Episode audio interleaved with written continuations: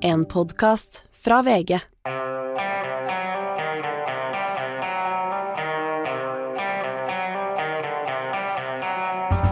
Ikke visste jeg at alle disse dagene som kom og gikk, de var selve uke 19. En uke hvor vi stort sett har måttet klare oss eh, uten deg, Hanne.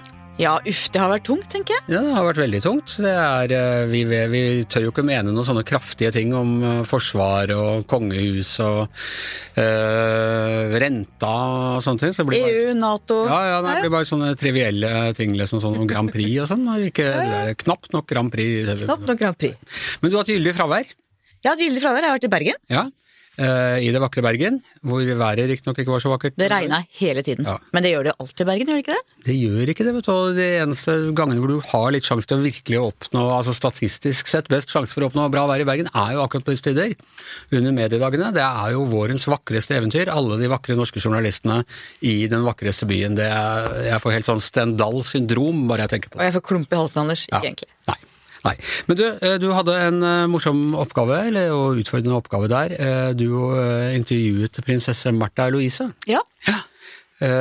og det like etter at hun allerede var blitt intervjuet på Scoop, som er en sånn, også en, eh, en av de mange mediefestivalene vi har her i landet, hvor alle de vakre journalistene eh, møtes for å fortelle hverandre hvordan de jobber. Eh, og da skar det seg litt eh, hele den intervjusituasjonen den gangen. ja, jeg var ikke der, jeg har bare hørt lydfila etterpå. Det var eh, særdeles lite vellykket egentlig for begge parter, tror jeg. Ja, Men eh, så fant dere mer tonen. Er det fordi du er mye mer sånn kongevennlig, da? Eller eh, prinsessevennlig enn eh, det republikanske Dagbladet? Du er jo fra en rojalistisk avis. Ja, så jeg bøyer stadig nakken for kongehuset. Nei da!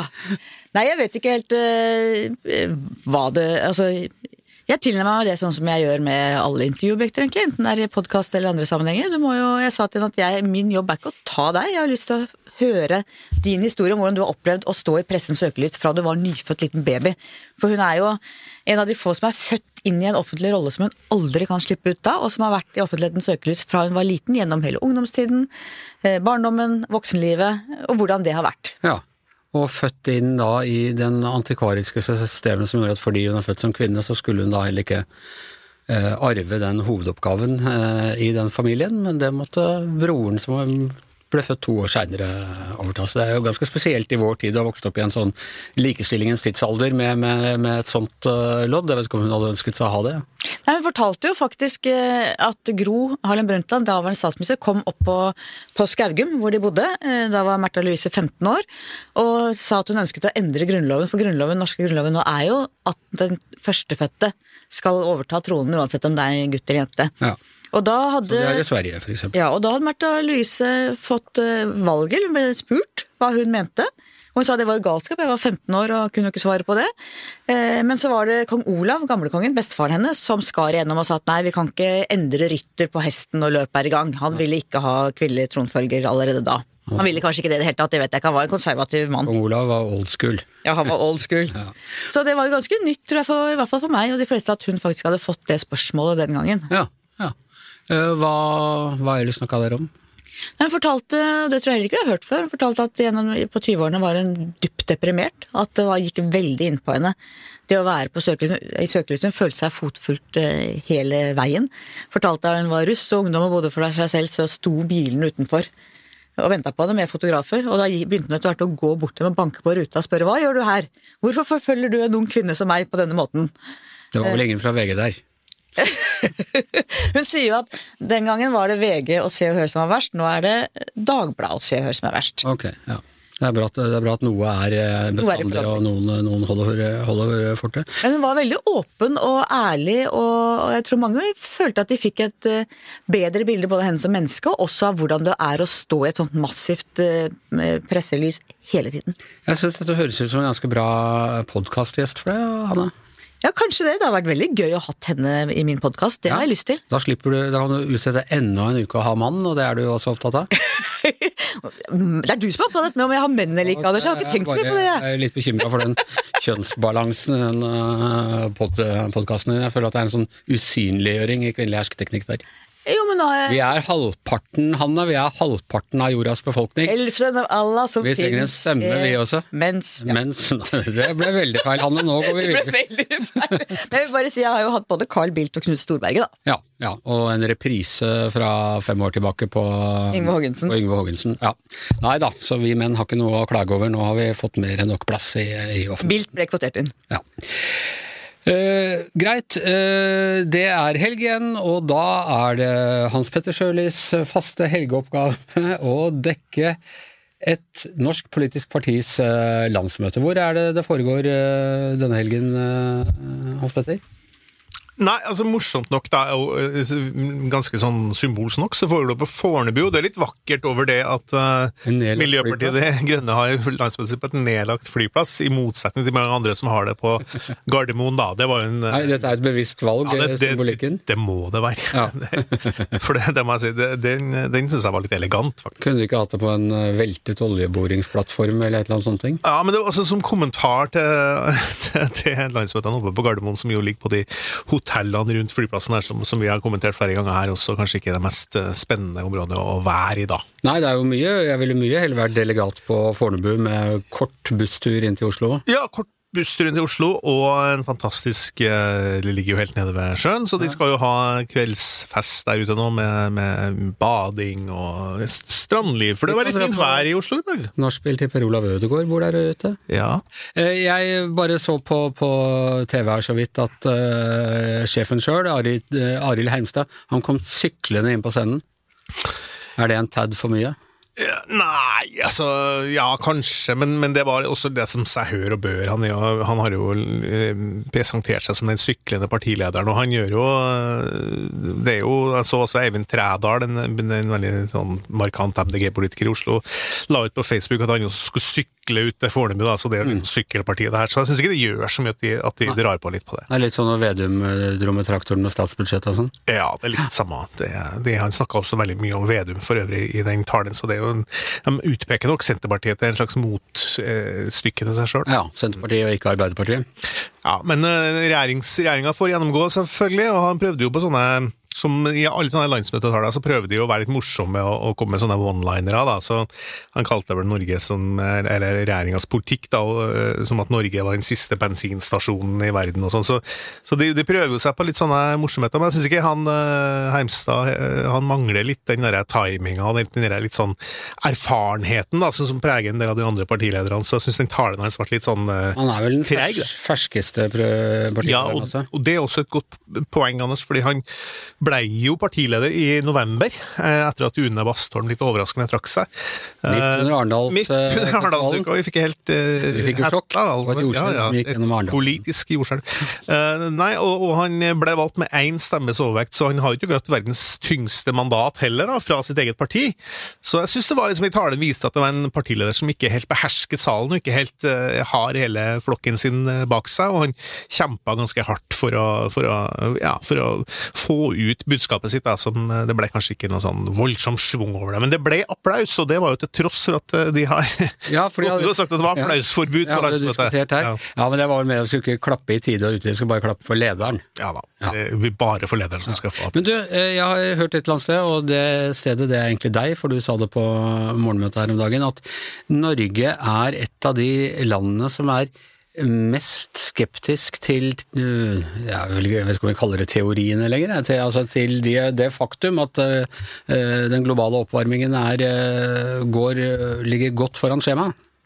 Ja, altså, det er jo ikke sånn at jeg tror De skiller litt, rann, for de mener jo at eh, de aller fleste er mener nok nå at det er, foregår klimaendringer. Eh, Det som er, er uenigheten, er jo om hva det skyldes. Og, én av fire nordmenn da, sier da at i motsetning av de, de helt eh, overveldende funnene til klimaforskerne, at det skyldes i sterk grad menneskelig aktivitet. Altså Bortimot eh, 25% av nordmenn mener det motsatte. Det er naturlige grunner til at det blir sånn. Og, det, og dermed så plasserer vi oss da helt i eh, skal vi si, enten i toppen eller i bunnen, hvordan du ser det, eh, i, blant land i hele verden på det. Ja. Er det pga. oljeavhengigheten vår, og at vi er, som MDG sier, den siste bensinstasjonen i Europa? Det, det blir jo en teori, da. Eh, Men vi, vi deler jo den bunnplassen, eventuelt topplassen, med Saudi-Arabia. Og Forente arabiske emirater, og, og USA. USA og Russland. Og alle er fellesnevneren der er jo, er jo selvfølgelig at man eh, er oljeproduserende. Ja. Eh, Så det kan jo være en forklaring. Det kan jo være en forklaring at vi også har det så bra her oppe i nord, og det er jo mye på grunn av oljen. da. Eh, At vi eh, syns ikke noe særlig om å, å, å liksom innrømme at eh, kanskje det er, vi må slutte med den slags da, for å, for å redde klimaet. Det kan jo også ha sammenheng med at vi ikke kjenner varme så godt som altså nede i Europa var det jo kjempevarmt i fjor, Ja. og vi hadde en litt sånn deilig sommervarme bare, og vi, får, vi kjenner det ikke så på kroppen. Jeg tror kanskje det kan ha noe sammenheng med det. Hvis jeg skal være kjempeærlig, så tenker jeg litt sånn Det er jo ikke her det kommer til å ramme hardest. Samtidig, er, samtidig har vi jo, ikke i år riktignok, men før om morgenen så har det vært mye mindre snø enn vanlig. Ja. Eh, men, bra, ja. men samtidig så har vi jo fjellet i Norge, vet du, så vi kan bare trekke opp på, for der er alltid snø. Så det kan jo, ha, det kan jo være en forklaring det også, at det ikke går oss så inn på klingen. Altså, som du ser selv med klimaforandringen vil vi fortsette å ha ganske rike snøvintre pga. noen meteorologiske greier jeg har, eh, har Ja, og så har det jo, kan jo også ha noe med, hvis vi spekulerer litt, da, det kan jo ha litt med eh, norske motkulturer, å gjøre. vi er vant til å være mot eh, Vi står ikke det- med lua i hånda for den mektige klimalobby... Nei til EU, nei til klima, tenker du, eller? Ja, men litt, litt det der at det, det er noe som eh, eksper, ekspertene eller sånn Ja, det tror vi ikke på, vi nordmenn. Men samtidig så, så viser jo seg også eh, andre undersøkelser at nordmenn flest er enormt, har, har- enormt høy tillit til forskning og vitenskap ja. generelt. Det er ett unntak, da. Særlig ett unntak, og det er altså klimaforskninga. Og det er jo interessant. Ja, det er det. Og det er noe av MDGs problem. Og det, det gjør jo at jobben til MDG eh, og han eh, Arild Heimstad her da, er, er veldig slitsom. Den er bratt, den, eh, den bakken de skal opp. Og det, de hadde jo et slags momentum i, altså i valget i 2019. da, så, så var det altså 30% som oppga at klima var eh, den viktigste saken. Eh, I hvert fall én av to Ja. viktigste saker. 30% altså. Men så kom pandemien, og så kom Ukraina-krisen, og nå er det nesten ingen som ja, snakker om klima lenger. Og så har de jo konkurranse om det. Det er jo ikke det eneste partiet som altså SV er jo det tradisjonelle mm, partiet som har snakket miljøvern og klima, og Venstre er eh, ikke fremmed for det. Selv inne i Senterpartiet er det så lenge landbruket får lov til å forurense, så er de ellers eh, mot eh, klimautslipp. Ja, Senterpartiet, jeg vet ikke, Jeg gjorde det, det For, for øvrig, den, den undersøkelsen vi nevnte i stad, om én av fire nordmenn som jeg, jeg, ikke tror på, på forskernes funn, da, så er det to partier som skiller seg veldig ut eh, blant deres velgere. Det er Frp og Senterpartiet, som, som er da eh, mest klimaskeptisk. Da. Ja. Så, men, eh, så MDG er nok en slags antitesen til Senterpartiet på mange måter, for det, det er jo også et parti som, som først og fremst gjør det bra i storbyene. Eh, Senterpartiet gjør det veldig dårlig i storbyene. Så eh, det, det er nok en slags motprogrammering på gang der, ja. Men ja, du var ikke ute på Fornebu, så du fikk ikke sett hvordan dette drikkepolitiet fungerer i praksis. Nei, derfor tror jeg ikke Nei. Du ble arrestert på, på grensen til Fornebu. det var mer at jeg faktisk var litt, litt eh, lei av å sitte inne, hotell, eh, inne på et hotell, særlig nå når det er så fint vær og sånn, så, så jeg skulle, skulle ønske jeg skulle mulig jeg tar meg en tur ut på Fornebu i morgen, for da skal vi diskutere EU, og det, blir, eh, det skal vi gjøre i kveld, og så skal vi ha avstemning om det i morgen. Så det blir spennende. Ja. Eh, Hanne, det det er det som kunne fått deg til å stemme MDG. Det er, eh, er eh, EU-standpunktet hvis de blir det eneste helt klare ja-partiet.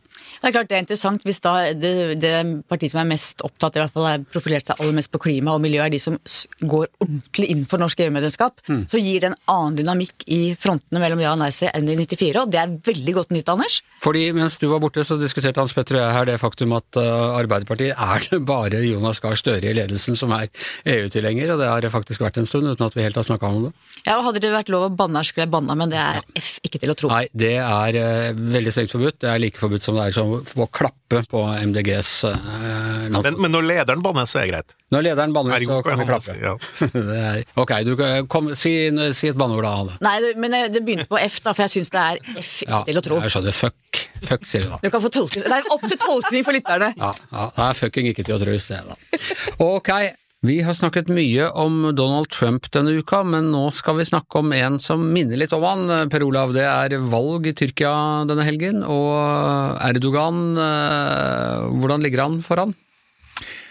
Erdogan stiller jo opp som presidentkandidat eh, i Tyrkia, og eh, han har jo egentlig styrt landet nå i over 20 år, altså som statsminister, men altså nå som president i mange år, og i løpet av den tiden så har han jo klart å sørge for å ha gjort eh, presidentembetet enda sterkere enn før, um, og han søker altså gjenvalg. Det er også valg til nasjonalforsamling på søndag. Dette er tror jeg, det årets viktigste valg noe sted i verden. Ja, du tror det? Ja, fordi det handler jo selvfølgelig om Tyrkia og tyrkerne. Det er et stor befolkning, 83-85 millioner mennesker. Men det handler veldig mye om eh, eh, også andre land, og hva som skjer utenfor Tyrkia. Det, er, det Blant annet i Sverige? For eksempel. For Vi snakket jo om det, har snakket om det tidligere i år, hvordan han ville blokkere eh, Nato-medlemskapet for Sverige, fordi han mm, berettiget eller uberettiget er, er sint på dem for flyktninger de tar imot uh, fra Tyrkia. Uh, og han er i det. Han er jo en veldig god maktspiller, Erdogan. Veldig god til å utnytte Tyrkias uh, posisjon. Han er jo en karismatisk eh, leder, må man kunne si, og han eh, er jo i den kategorien med anførselstegn sterk mann, politiker, som liker å vise fram eh, ting som skal gjøre tyrkerne stolte, spille på patriotisme, og at han liksom er en sterk stemme for Tyrkia i verden. Og det kan man jo si at han er, det er bare det at han så da ofte kommer i konflikt med det som kanskje som skulle være landets allierte i Nato, med USA, og, og, og, og også nå i de, siste månedene i stor grad med Sverige. Da. Men på en måte kan man si at han er altså, Jeg sammenlignet ham med Trump, og han er jo altså, han er den der veldig populistiske øh, tendensen og sånne ting. Men han virker på meg smartere øh, enn Trump, altså mer disiplinert, mer strukturert, tross alt mer forutsigbar i sin uforutsigbarhet enn Trump som virker mer egodrevet, så er Erdogan mer policydrevet. Ja, og så skal vi også husk at de første årene med Erdogan ved makten, så gjorde han jo mye positivt for, for Tyrkia. Dette var jo en periode hvor de faktisk eh, var Deres eh, medlemskapssøknad til EU var eh, veldig aktuell, og han gjorde mye for å forberede eh, Tyrkia på et fremtidig medlemskap, og det var eh, Hans bakgrunn jo fra et mer sånn et moderat islamistisk parti, men samtidig innstilt på han skapte mye økonomisk vekst, han skapte uh, mange store prosjekter, det var mye som var positivt, men så med årene så er det jo blitt mer autoritært, og så har han gått mer i den retning hvor han skal holde på makten, og hvor det gjelder å svekke disse andre institusjonene som på en måte holder maktbalansen i et demokrati, altså domstolene og, og andre viktige institusjoner som både alt fra valgkommisjonen og, og, ikke minst også dette med da at man har en fri debatt og en åpen debatt, altså med å kriminalisere deler av opposisjonen ved å legge et veldig sterkt press på mediene, ved å eh, kalle politiske motstandere og også journalister for eh, terrorister eller terroristsympatisører. Eh, alle disse tingene som har gjort Tyrkia mindre fritt, eh, langt mer og, og, og, og, svekkelsen av institusjonene. Det er jo noe som er en fellesnevner i mange av de landene. Vi har snakket tidligere om Ungarn, vi ser mye av det samme der. Eh, vi så en del av det som Donald Trump forsøker på eh, tidligere, og, fortsatt. Og dette er en gjenganger i alle de landene som går i en mer autoritær retning.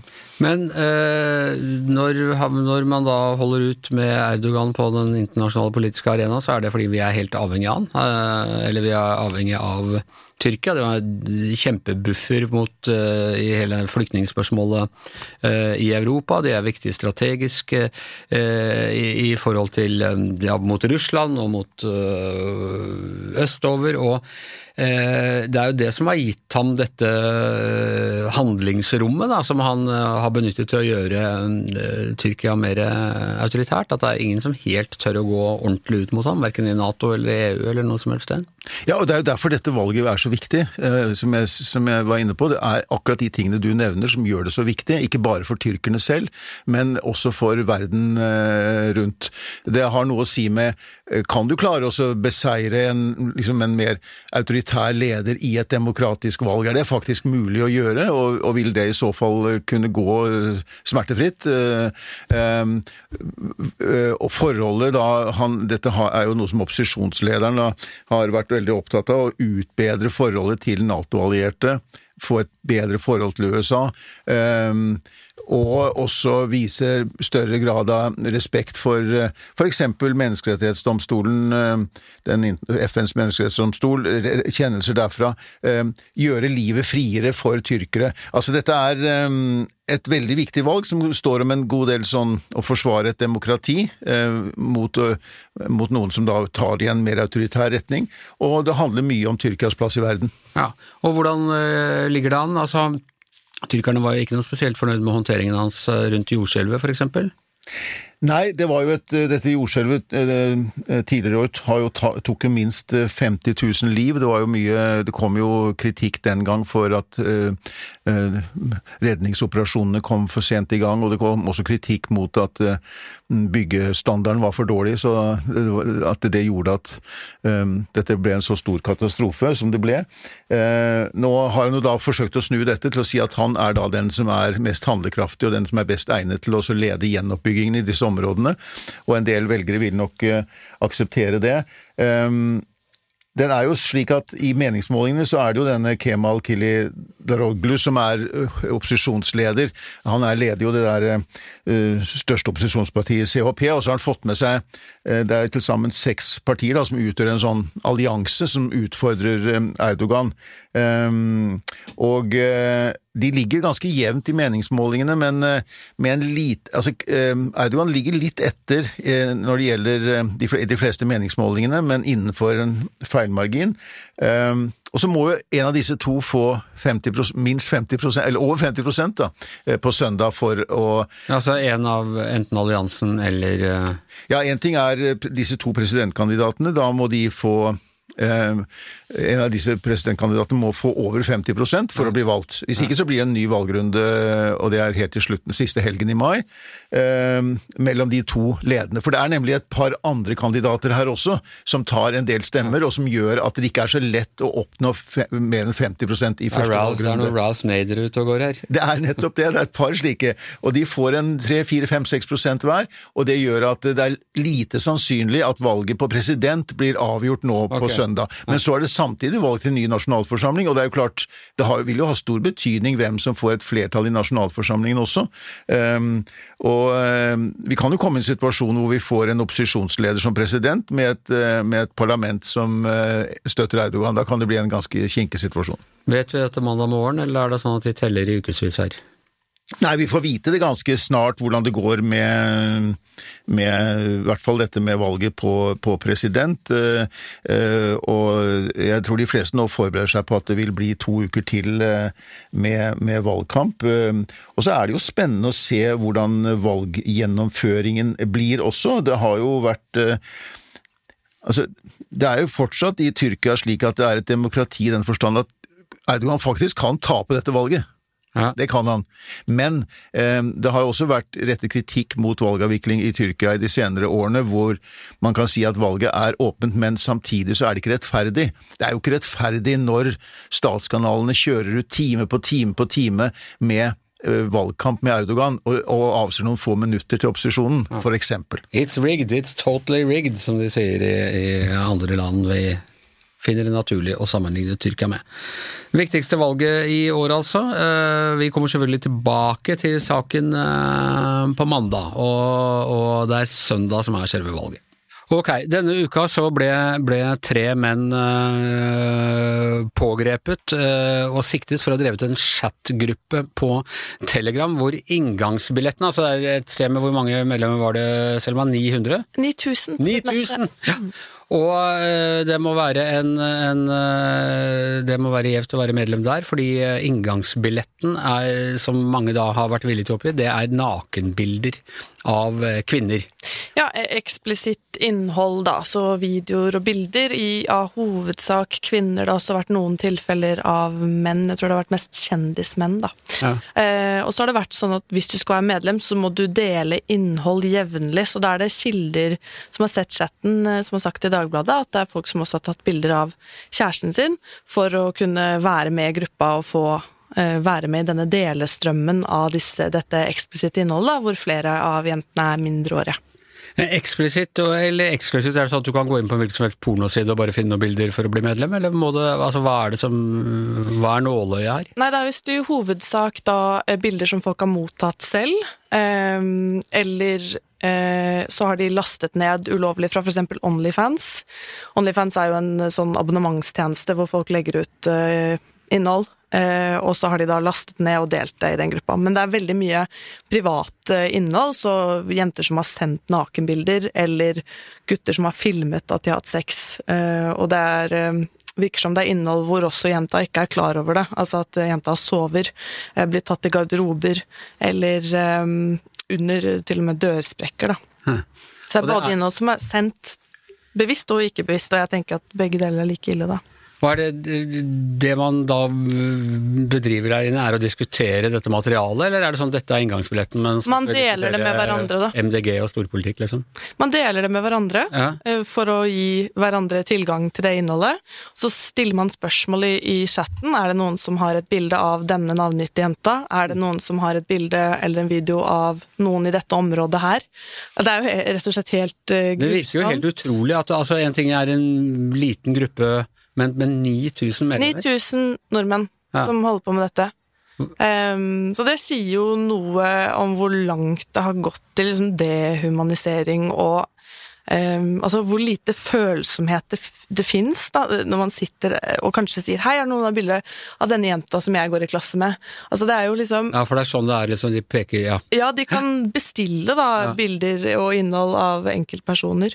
Ehm, og det jo Det har jo blitt et større og større problem. Altså øh, seksuell vold i form av å dele øh, bildedeling på nettet.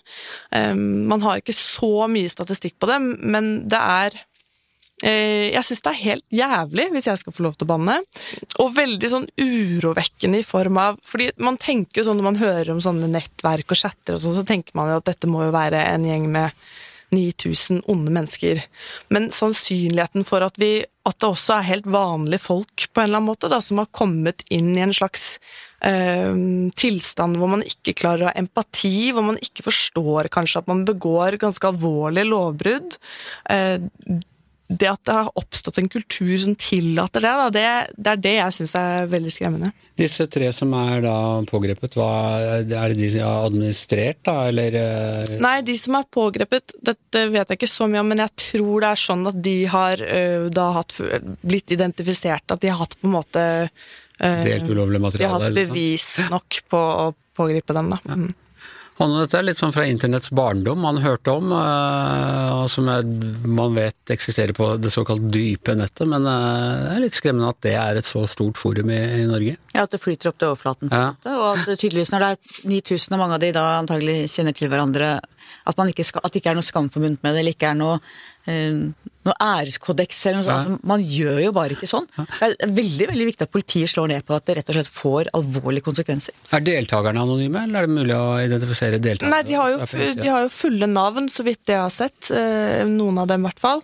Um, og det er jo sånn der, Det har vært noen ting som har blitt delt sladda, i, både i VG og i andre aviser, og det er jo blant annet sitatet eh, 'Vi fakker med 06', som er da at det er et bilde av en jente som er født i 2006. Eh, så det er liksom Ja. em, Måten de snakker sammen på, måten de bestiller disse Det er jo, som han er inne på, liksom, det er null skam, på en måte. Det virker som om det er helt sånn Um, ja, det er, veldig, det er veldig fælt. Og jeg tror jo kanskje at denne nakenbildekulturen For det handler, ikke bare det handler også om makt, ikke sant? Når du kan få tak i innholdet av eh, Ikke bare google for å se nakne kvinner for å gjøre det man gjør på internett når man ser nakne kvinner. Det er en annen sak, men dette er liksom på bestilling. Så det handler om, eh, det handler om makt, og det, og det er liksom det handler nok også om at eh, hvis jeg hadde fått et, delt et bilde av meg, da, for eksempel, så, så fins det deler av samfunnet vårt eh, som, som tenker at liksom, jeg hadde hatt noe ansvar i den prosessen. Da. Og jeg tror at det også opprettholder den typen urettferdighet, at vi kjenner på mye skam og mye redsel eh, og mye skyld. Eh, så det tror jeg er en ting som vi som samfunn kan jobbe med. Da. Den de krokene og de delene av samfunnet som har lyst til å si at ja, men, men hvorfor delte du Hvorfor tok du det bildet, da? Ja, hvordan er det? Ja, det ser jo ikke ut som du er tatt uh, Ja. Eh, i noen tvangssituasjon. Hvorfor lå du med han da, hvis han er en dårlig Mm. fyr? Ikke sant? Vi må vekk fra de holdningene, da, tror jeg. Så dreier det seg åpenbart om eksklusivitet òg, altså det der å få tilgang til et eller annet sånn type forum, og at du, som du sier, stadig må komme med nye ting og et eller annet der, en eller annen sånn mekanisme der òg, tror du ikke det, Hanne? Jo, helt åpenbart. Eh, Og det høres ut som det er blitt en lukka, veldig usunn kultur hvor man har normalisert overfor hverandre. Det er jo veldig lett at hvis du gjør noe aleine, så føler du ansvar, men jo flere det er, jo mer føler du at ansvar pulveriseres, at du har egentlig ikke noe ansvar, at du blir en flokk. Litt som Fluenes herre-ish. Ja, ikke sant. Eh, Siden dette var eh, litt uh, dyster avslutning på uka, tenkte jeg skulle stille dere et par, et par spørsmål. Uh, på slutten litt sånn i god gammeldags fem på gata-stil. Tre på gata nå. Eh, og det var, skal vi se, jo. Eh, det første er eh, uniformsnekt i pride. Det gikk jo ut fra beskjed fra Oslo-politiet om at politimenn som deltok i pride, skulle ikke få lov til å gå i uniform. Eh, og det ble sagt å være fordi av sikkerhetsårsaker at man ikke skulle liksom kunne blinke ut hvem som var eh, politi, og, og vanskelig å argumentere mot at ikke pride er et eh, terrormål, men nå er det altså eh, flere som er ute og, oppfordrer politiet til å gjøre om på det eh, vedtaket. og liksom Raimond Johansen, byrådsleder i Oslo, har vært ute og sagt 'tenk dere om', ber politiet tenke seg om og si ja til uniformert politiet for å gå i pride-tog. Og hvis de ikke gjør det, ber han justisministeren gjøre det. Hva tenker du, Hadde? Bør de Hvis det? hvis det er reelle sikkerhetsargumenter, så mener jeg man bare må gjøre det. Eh, hvis det er, og jeg kan ikke helt se for meg at det er andre typer argumenter. Hvis det er det, så er det ikke bra. Men det kan jo være at man mener at politiet ikke skal flagge politiske holdninger og, og sånne ting. At er at pride også er, liksom, står for politiske holdninger og sånn. Ja, Og hvis det er argumentet ett år etter det som skjedde i fjor med Pride, det vil overraske meg. Jeg tror ikke det er argumentet, men det kan være underliggende. Nei, men jeg, jeg velger å tro at det er sikkerhetsargumentet som gjelder, og da mener jeg at det er greit. Ja. Hvis det skulle vise seg å være noe annet, så skal vi skrive skarpe ledere i verdenskampen. Ok, så bare passer det. Uh, Selma, hva tenker du? Jeg lurer litt på, Handler det liksom om at folk uh, syns det kan være skummelt, og at det virker liksom voldsomt med masse politi? At det er folk som blir redde fordi de assosierer altså Jeg vet ikke, jeg tenker man kan høre på de argumentene. Ja. Tenker jeg at sikkerheten må komme først. Uh, Hans Petter? Jeg synes det er litt vanskelig Jeg er litt enig med Raymond sånn intuitivt, kjenner jeg, men jeg er jo enig med Hanne også. Så hvis det her må jo de som da vurderer sikkerheten avgjøre, så kan ikke vi sitte og synse om det, syns jeg. Det var jo litt samme situasjonen i fjor etter skytingen, så var det jo hvorvidt man Så ba jo politiet om at man eh, da avlyste eh, paraden av sikkerhetshensyn. Og det var det en del reaksjoner på, så ble det en parade likevel, og da sa jo hun eh, politisjefen at hun var litt glad for det, rett og slett. Ja, og det er jo interessant i seg selv. Beate Gangås, som nå er sjef for PST, nye PST-sjefen, hun var da politimester i Oslo, og var den som først ga go til den demonstrasjonen, og som det viser seg ikke fikk informasjon tidsnok fra PST. Så hun har begynt i denne situasjonen som egentlig var ganske kjipe med henne og hennes folk i fjor. Ja. Hun er jo selv åpent uh, skeiv, og har stor troverdighet, tror jeg, i de skeive miljøene. Eh, Men vi er jo egentlig mot at politiet skal demonstrere i uniform, eh, Hanne. Det har vi hatt skarpe ledere om eh, tidligere. Ja, og i prinsippet mener jeg det, men nå har dette blitt så etablert at de alltid har, eh, i mange mange år, har politiet gått i uniform i Pride. Det skulle plutselig slutte med det nå, syns jeg er rart hvis det er Og Det er jo ikke politiske krav knytta til deres yrke sånn sett, eller, eller sånn. Ok, greit, da er det nesten konsensus her. Sikkerheten må gå først, men politiet bør egentlig også kunne gå i uniform. I, i en perfekt verden så må politiet kunne gjøre det. Ja, syns du ikke det? Den kan eventuelt feste på seg noe sånn ekstra bling. Sånn, litt sånn. Ikke sant? Litt politibling. Og så, og dette mener jeg er urspørsmålet til VGs Fem på gata. Eh, litt fordi en venn av meg ble spurt om det en gang, og det skulle være stor stas, han var i VG og svarte på det. Skal du se Melodi Grand Prix?